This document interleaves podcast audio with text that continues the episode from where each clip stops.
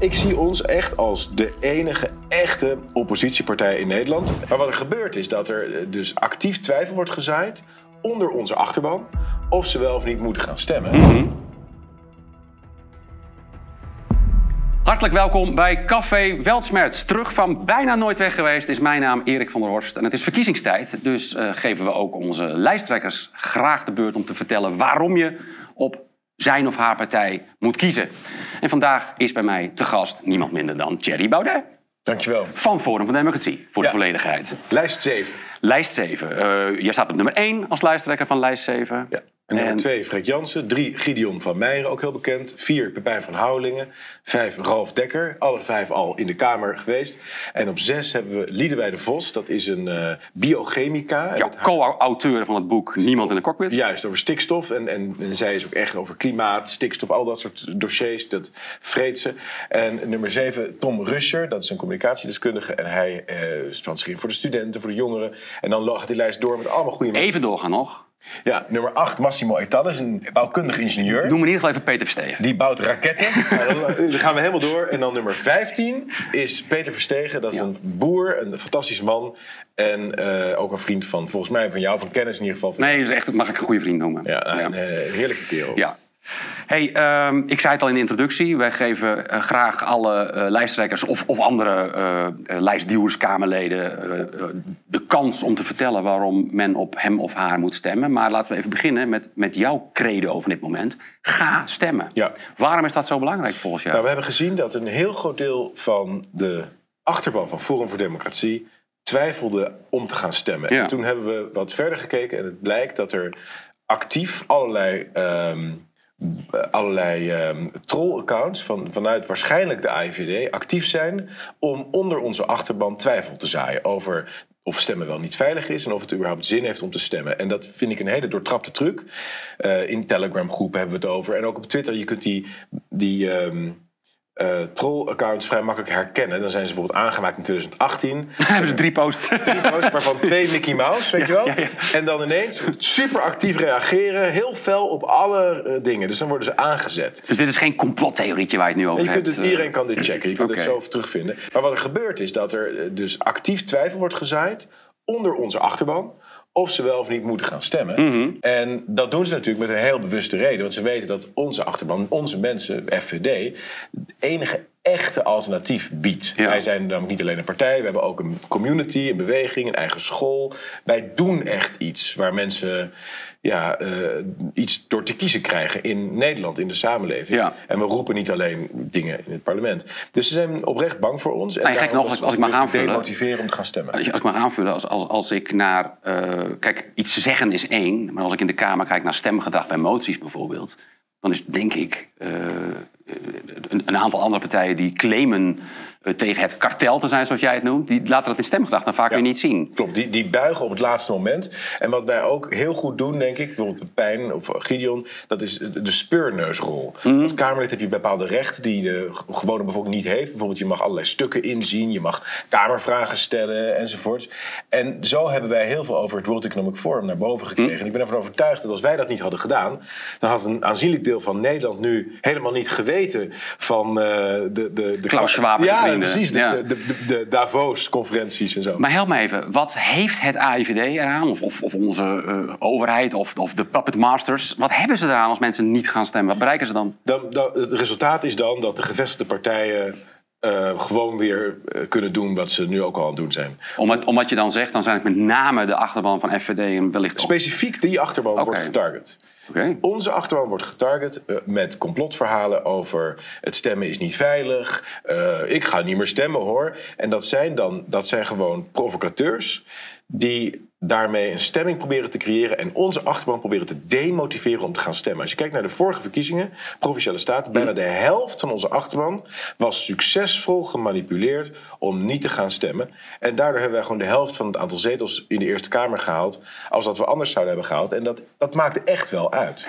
Welke argumenten gebruikt dan zo'n troll om mij ervan te overtuigen dat ik niet moet gaan stemmen? Wat in it for me? Nou, het zijn argumenten die wij ook zelf in het verleden naar voren hebben gebracht. Namelijk, er was een lek in het stemproces. Maar op, op aandringen van Forum voor Democratie is dat lek inmiddels gedicht. Dat is namelijk dat je hebt allerlei stembureaus, laten we zeggen 10.000. En daar worden de stemmen handmatig geteld. Vervolgens is er de hoofd van dat stembureau, die gaat op zijn fietsje naar eh, het gemeentehuis. En alle hoofden van die stembureaus die gaan op een fietsje naar dat gemeentehuis. Met, met de stemmetjes onder de arm. Met een USB-stick. Oké, ook dat nog wel. En die USB-sticks die worden één voor één ingeladen in één computer. Dus elke gemeente heeft één computer, dus ruim 300 computers. En dat wordt weer allemaal opgeteld tot één uitslag van die verkiezingen. Ja. Dus, eh, eh, als je niet weet wat er op lokaal niveau van de individuele stembureaus is eh, op die USB-sticks kwam, maar wat er uit de tellingen kwam, dan kan je in feite alles doen wat je wil op het moment dat die hoofd van dat stembureau op zijn fiets springt. Ja, hij, had, hij had al een USB-stick in zijn andere binnenzak kunnen hebben. Bij wijze van Dat is één optie. Of je manipuleert die computers op die gemeentehuizen. Ja. Of je manipuleert de centrale computer die het Ja. allemaal moet optellen. Want je kan geen proef op de Je hebt eigenlijk Dominion helemaal niet nodig Dat was, in het, trucs. precies, dat was in het verleden. Ja. Maar wij hebben steeds gezegd, jongens, wat wij willen is dat die individuele stembureaus ook hun eigen uitslag online publiceren. Met procesverhaal. En daar kun je bij zitten. Daar kan iedereen bij zitten en iedereen kan dat dus controleren. Dus je kan gewoon kijken in de gemeente, eh, weet ik veel, Scherpenzeel. Is, daar hadden we, er waren 200 stemlokalen. En in totaal zijn daar zoveel stemmen uitgebracht op Forum voor Democratie. En dat klopt, dat is ook het getal dat bij de gemeentehuis is opgeteld. Volgens kun je van al die gemeentehuizen kun je allemaal optellen en kijken of het centrale klopt. ja. Dus je kunt het nu controleren.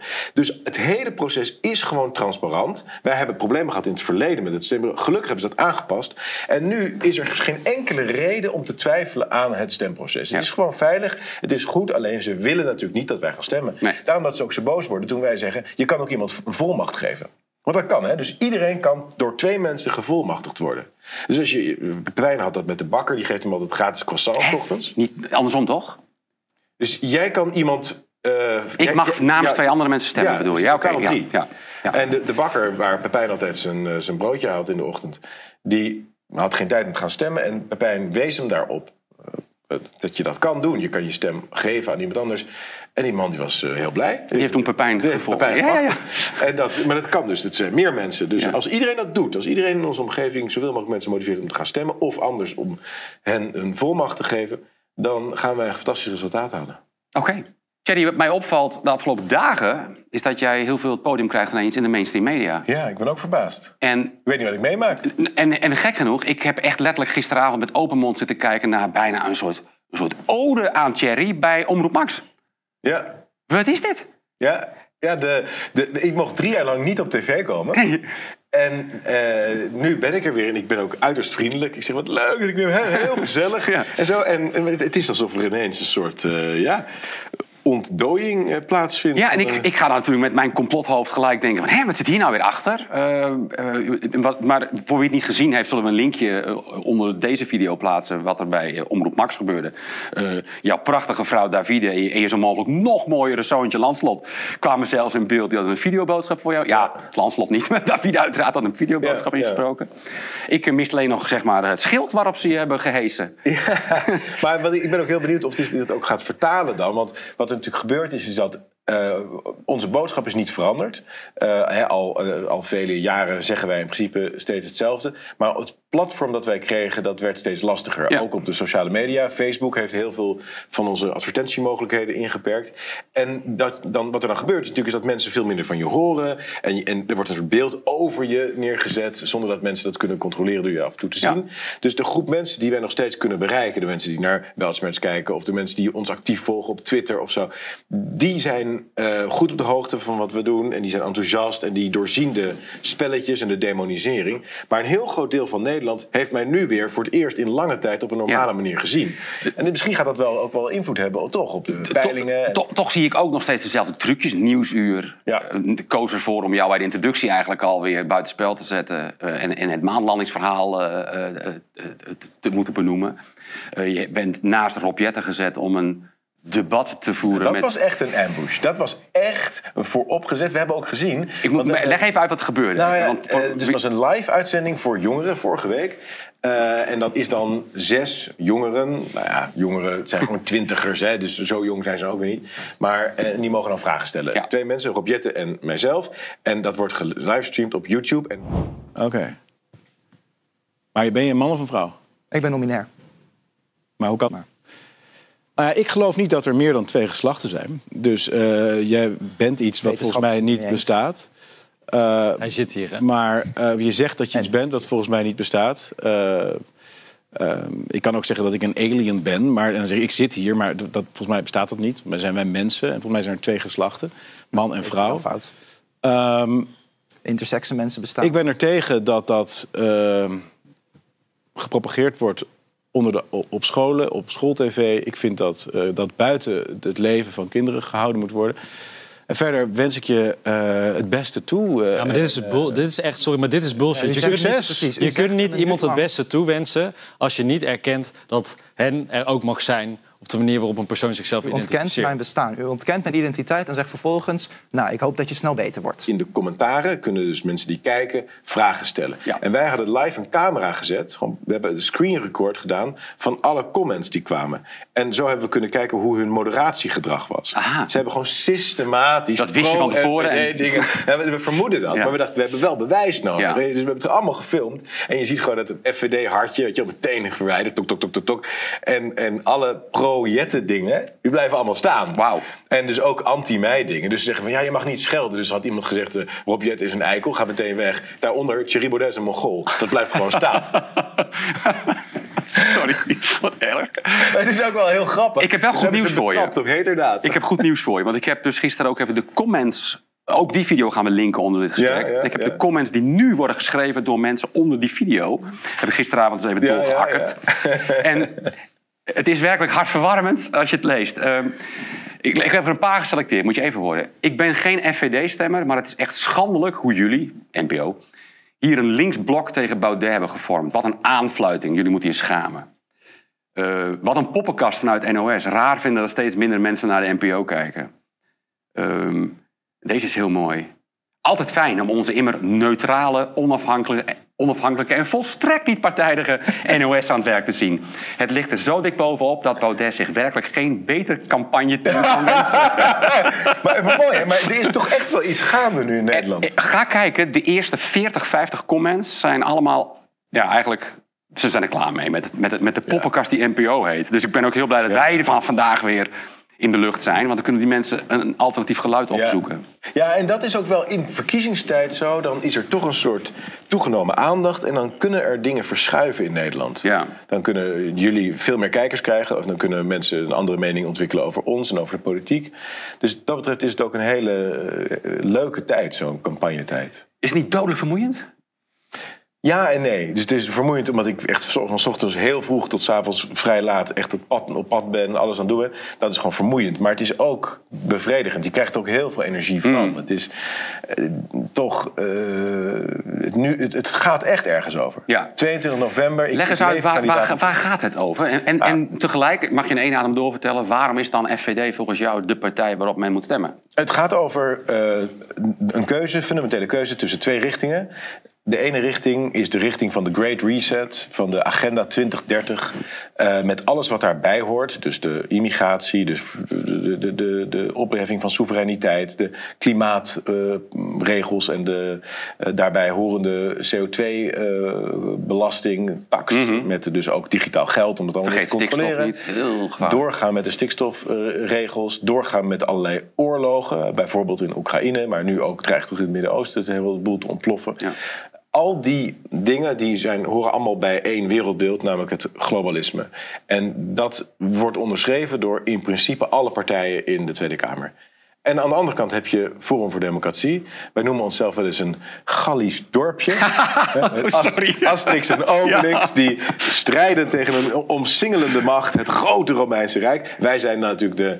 Maar wij. eh, ja, wie van jullie, zijn de wie van jullie is in het overdrank gevallen? Nou ja, het, het was vroeger natuurlijk altijd Henk Otte. maar, nu moeten we op zoek naar een nieuwe Obelix. Ja. Maar eh, wij, ik zie ons echt als de enige echte oppositiepartij in Nederland. Eh, eh, en dat is dus niet alleen maar op één standpunt, bijvoorbeeld immigratie. Daar vind ik de PVV ook goed. Maar wat wij eigenlijk doen, is de hele agenda erachter ook exposen. En laten zien dat het onderdeel is van een wereldbeeld dat wij niet delen, maar op een bepaalde manier wel coherent is. Dat wel eh, consistent is. Dat, er zit een, een logica in vanuit het perspectief van het World Economic Forum, vanuit het perspectief Ja. van de EU, vanuit het perspectief van die globalistische elites. Ehm, de- en eh, je kunt het dus ook niet bestrijden door alleen maar één ding aan te pakken. Je moet het in zijn totaliteit benoemen en bestrijden. En Ja. dat doen wij. Dus dat is één, dus dat is echt de politieke. En het tweede wat op het spel staat bij deze verkiezingen, eh, dat is dat hoe groter je bent als partij, je, hoe- hoe meer je ook eh, mogelijkheden hebt via subsidies en andere dingen. Eh, je beweging maatschappelijk verder uit te bouwen. Dus als wij eh, tien zetels halen, bijvoorbeeld, dan kunnen wij gewoon nog twee scholen erbij opzetten. Ja. In het zuiden van het land en het oosten van het land. Renaissance. eh, Renaissance scholen. ja. Dus dan kunnen we nog meer kinderen beschermen tegen de LGBT-transgender indoctrinatie. Ja. Als wij tien zetels halen, kunnen we veel meer doen aan internationale contacten. Kunnen we een grote internationale conferentie organiseren. Kunnen we in heel Europa gelijkgestemde bewegingen helpen opzetten. Dus behalve dat we parlementair dan veel meer gewicht in de schaal kunnen leggen, kunnen we ook maatschappelijk veel meer doen om die tegenbeweging eh, vorm te laten krijgen. Parlementair. Daar heb ik al eh, sinds ik eh, enigszins geïnteresseerd ben geraakt in de politiek in Nederland, heb ik een buikpijndossier. En dat is formeren. Ja. Ehm, kun jij mij beloven dat als FVD iets in de melk te brokkelen krijgt, dat we ophouden met het vormen van een coalitie Ja. die gelijk de meerderheid heeft vier jaar lang en in feite de oppositie. Het, het, het is een poppenkast. Waarbij je misschien in de marge een keer wat gedaan krijgt. Maar dat is dan eigenlijk dat wat ze in de plannen al volgens mij in de marge hadden ingebracht. Ja. Dat krijg je dan terug. En dan, oeh, joepie, we hebben... Ik weet niet of iedereen begrijpt wat ik bedoel. Maar in feite wordt er elke vier jaar van alle beloftes die in partijprogramma's staan... wordt heel veel gemiddeld en weggegooid. Waardoor je eigenlijk tegen je achterban kan zeggen... ja, we hadden het wel beloofd, maar ja, zij wilde dat, dan moesten wij dat weggeven. En, Ja. en dan hou je onderaan de streep een soort natte wind over... waar je vier jaar lang monddood Ja, en ze kunnen ook allemaal naar elkaar wijzen. Hè? Ja. Ze kunnen zeggen van, eh, oh wij hebben niks aan immigratie kunnen doen, want, want, want zij wilden dat niet. Oh, en wij hebben niks kunnen doen aan dit, want zij wilden dat niet. Dus ze Een minderheidskabinet is toch veel logischer? Ja, dat is ook precies wat wij willen. Oké. Dus wij willen eigenlijk dat je ehm, eh, de dag na de verkiezingen, bij wijze van spreken, als de nieuwe Kamer is geïnstalleerd, gaat stemmen over alle grote thema's. Dus Mhm. dat, dat je gewoon kijkt, je legt. Kies je dan een minis- minister op iedere post of zo? Nou, Of- eerst kies je gewoon op standpunten. Ja, oké. Dus je gaat gewoon, eh, je hebt er gewoon een groot debat, debat over de uitslag van de verkiezingen. Ik zeg maar wat, zo noemen we het. En dan mogen alle partijen allemaal moties indienen. en dan moeten ze gewoon over stemmen. Is er nu een meerderheid voor inperken van de immigratie? Ja, nee. Dat kun je zien. Ja. En dan kun je gewoon zo helemaal... Dan krijg je een soort staalkaart, zou je kunnen zeggen. Een soort röntgenscan van... dit is wat Nederland heeft gekozen. Al die partijen hebben allemaal standpunten, leg je allemaal naast elkaar, snij je door het midden. Ja. Hier zijn meerderheden voor, daar niet. En dat kun je vervolgens door de griffier van de Kamer laten uitwerken, eh, gewoon op, op ministerieniveau. Kun je zeggen, ministerie van Veiligheid eh, en, en Justitie en Veiligheid, er is een meerderheid voor dit, dit, dit, dit, dit, vijf punten, zes punten. Dan ga je als Kamer een premier kiezen. Dat doe je net zoals we nu de Kamervoorzitter kiezen. Dus elk Kamerlid kan zich kandideren. Je doet in twee of drie stemrondes. Wie de meeste Het heeft niks te maken wie de grootste partij was. Nee, het kan zo zijn dat eh, de SGP de premier levert. Als die toevallig dan toch de meeste steun krijgt, linksom, rechtsom, wat dan ook maar. Of dat onze lieve. Ja, dat, dat is in hun geval natuurlijk ook niet onbelangrijk. Ehm, en dan heb je dus een premier. En je hebt nou, eh, 50 standpunten of zo, waar we het op hoofdlijnen over eens zijn. En die premier die kan vervolgens eh, sollicitaties laten plaatsvinden met een commissie waar bijvoorbeeld ook ehm, de Kamervoorzitter in zit, de, de voorzitter van de Eerste Kamer en nog iemand. Maak je een soort commissie. Heb je sollicitatierondes, dat duurt drie weken of zo. En dan draagt die door de Kamer gekozen premier een kabinet voor met allerlei mensen. En die mensen kunnen één voor één ja of nee worden gestemd. Of ze wel of niet die post mogen En is het, krijgen. is het een idee dat, we- dat we dan mensen kiezen die verstand van zaken Dat hebben. is de bedoeling. Dus alle Zakenkabinet. Nederlanders mogen dan solliciteren. Ja. Dus dan hebben we een, het, voor het ministerie van eh, Infrastructuur... kan gewoon elke Nederlander eh, die denkt dat hij daar een goed, een goed idee over heeft. Ja. Dus hebben we een aantal dingen zijn uitgekomen. Bijvoorbeeld maximum snelheid opschroeven. Geen trajectcontroles meer. eh, meer eh, go- goedkoper openbaar vervoer voor iedereen. En Schiphol uitbreiden. Zeg maar wat. Dat zijn Ja. dingen die wij willen. Nou, dan is er iemand die dat, die, wel, die dat ziet dat wel zitten, die punten op hoofdlijn. Hij heeft misschien ook nog zelf wat andere punten. Dan krijg je een profielschets. Dan krijg je Senate hearings, net als in de VS. Dan mag een aantal Tweede Kamerleden die potentiële minister ondervragen. Op basis van die antwoorden wordt erover gestemd. Ja, nee. Nou, die vent die krijgt die post. Of die dame. Ja, ja, pas op. Of die non-binaire. dit, gaan ze dit gaan morgen weer tegen je gebruiken. hè? Ja. Oh ja, daarover gesproken. En dan, maar dat is dus eigenlijk, dit is, dit is dus eigenlijk, hier ben ik ook op afgestudeerd. Dit is hoe Thorbecke ook het voor zich zag. Dit is eigenlijk in lijn met de geest van onze grondwet. En daar is dus een praktijk, en daar ben ik het roeren met je eens, eh, tegenovergesteld. En dat is dominant geworden in de afgelopen decennia. Wat heel ondemocratisch is. Want wat leuk aan dit idee is dat je op verschillende ministeries een verschillende combinatie van partijen hebt die het beleid, waar een meerderheid voor is, zal steunen. Ja. ja, maar inderdaad, Dus de meerderheid moet, mee. meerderheid moet uit de Kamer komen, toch? Ja, de meerderheid komt elke keer uit de Kamer. Dan weer over links, dan weer over rechts. Ja. En je ziet gewoon wat er gebeurt. Wat we nu hebben is inderdaad een crime, is een, gewoon een democratisch wangedrocht. De helft plus één beslist vier jaar lang wat ze gaan doen. Ja. En de andere groep die staat gewoon, feitelijk staan die buitenspel. Ja, Ja. Die kunnen af en toe mogen ze wat roepen en een enkele keer initiatiefje tonen of zo. Maar fundamenteel doen ze niet mee, de coalitie bepaalt en that's it. Je maakte net heel even een, een, een zij-opmerking over hij of zij. Ja, Of, bijna. en, je voelt denk ik wel al aan waar ik heen wil. Ik heb gisteren ergens naar zitten kijken waarvan ik oprecht van mening was. Daar hebben ze een acteur neergezet. Ja, Er was een Brammetje. brammetje. Er zat een meneer. Ja, sorry, slip of de tong. Er zat een meneer. Nee, er zat, er zat iets. Er zat iets in, eh, eh, in de studio eh, bij de NOS waar jij met Rob Jetten zat. Ehm, En het was non-binair. Het was non-binair. En, en ik hoorde Rob Jetten tegen jou ook zeggen van... hen zitten hier toch of zo. Hij maakte Ja, een hele rare... En ik dacht dat het een acteur was. Hij had namelijk een soort Mario Brothers outfit aangetrokken. Eh, eh, Mario en... eh, Luigi. Luigi van, Ja, van Mario. ja, En, dus ik geloofde het echt niet. Maar mijn collega hier, die, die heeft, heeft mij op het hart gedrukt. Nee, dit, dit is echt. En ehm, dat gaat dus over, waar je het net ook even had over scholen.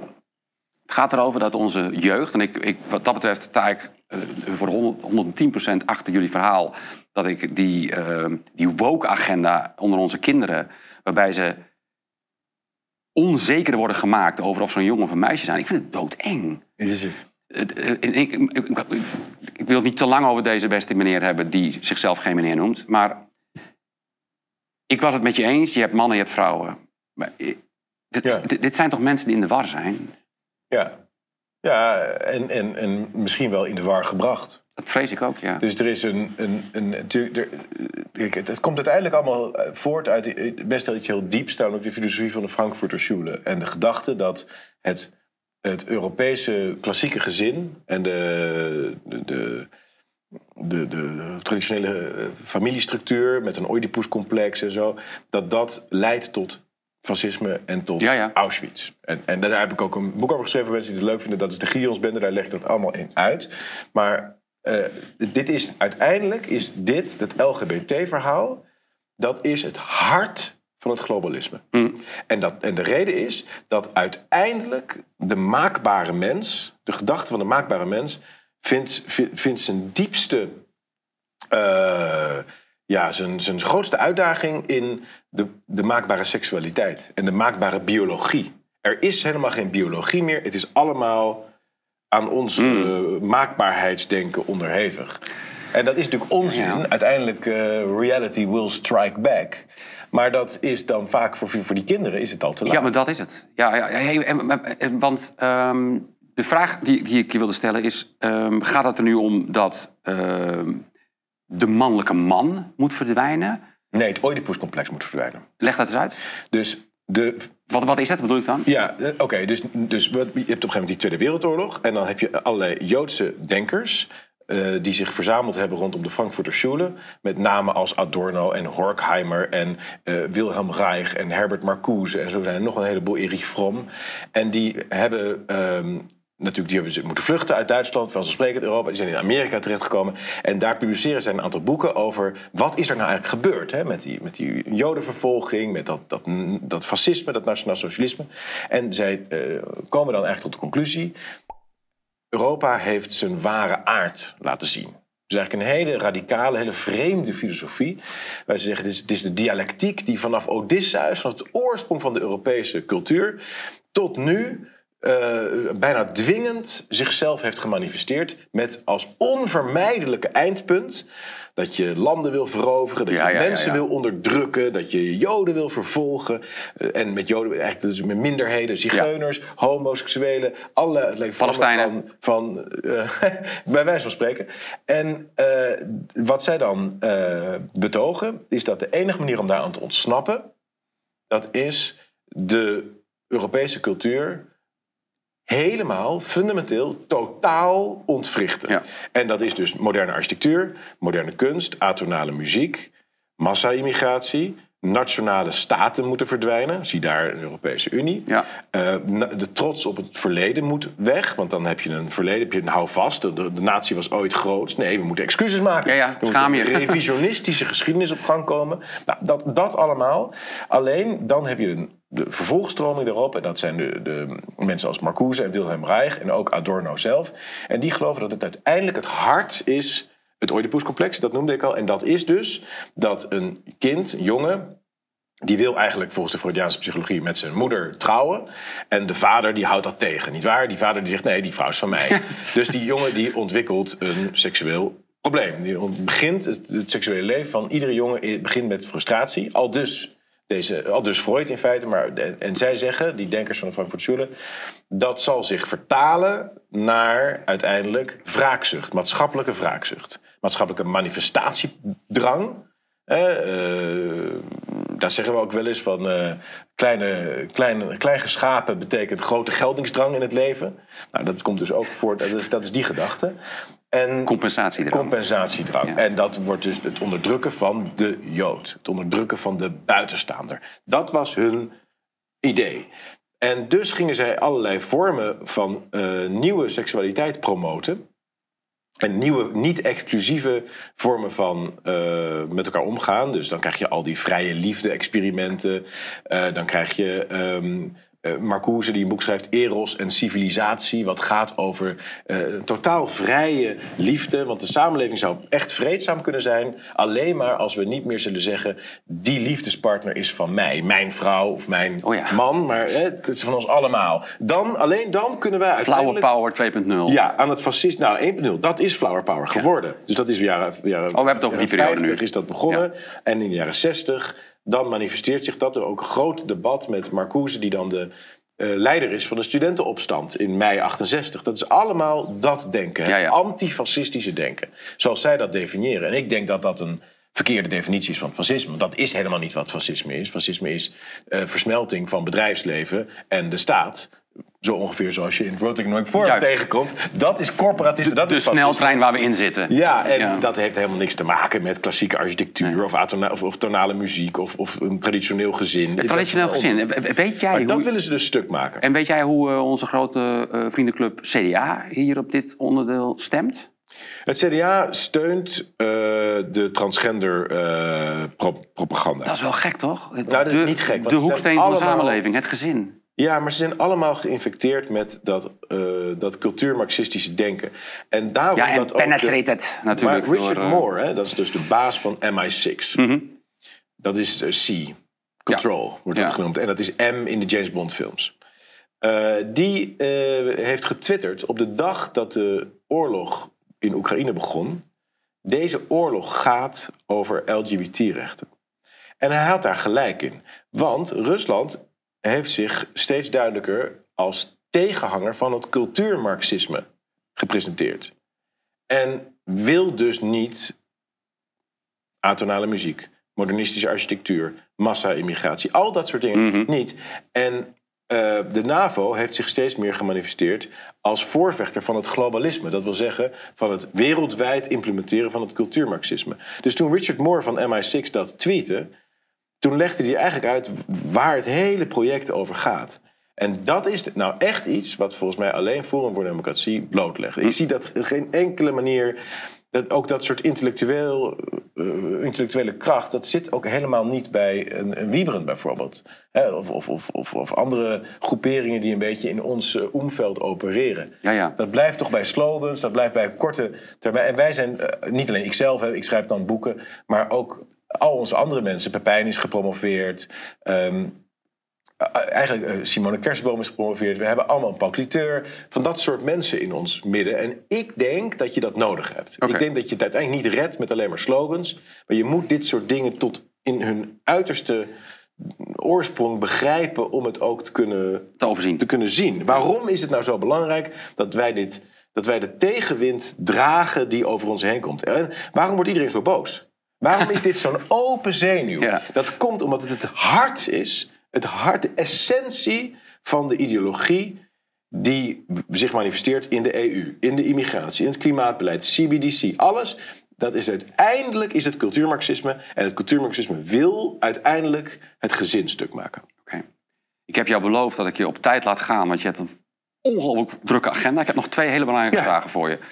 Eh, wat ga je allemaal nog doen tussen nu en verkiezingsdag? Wat staat er op jouw agenda? Ik doe elke dag eh, podcasts. Bijvoorbeeld morgen ga ik eh, acht podcasts doen.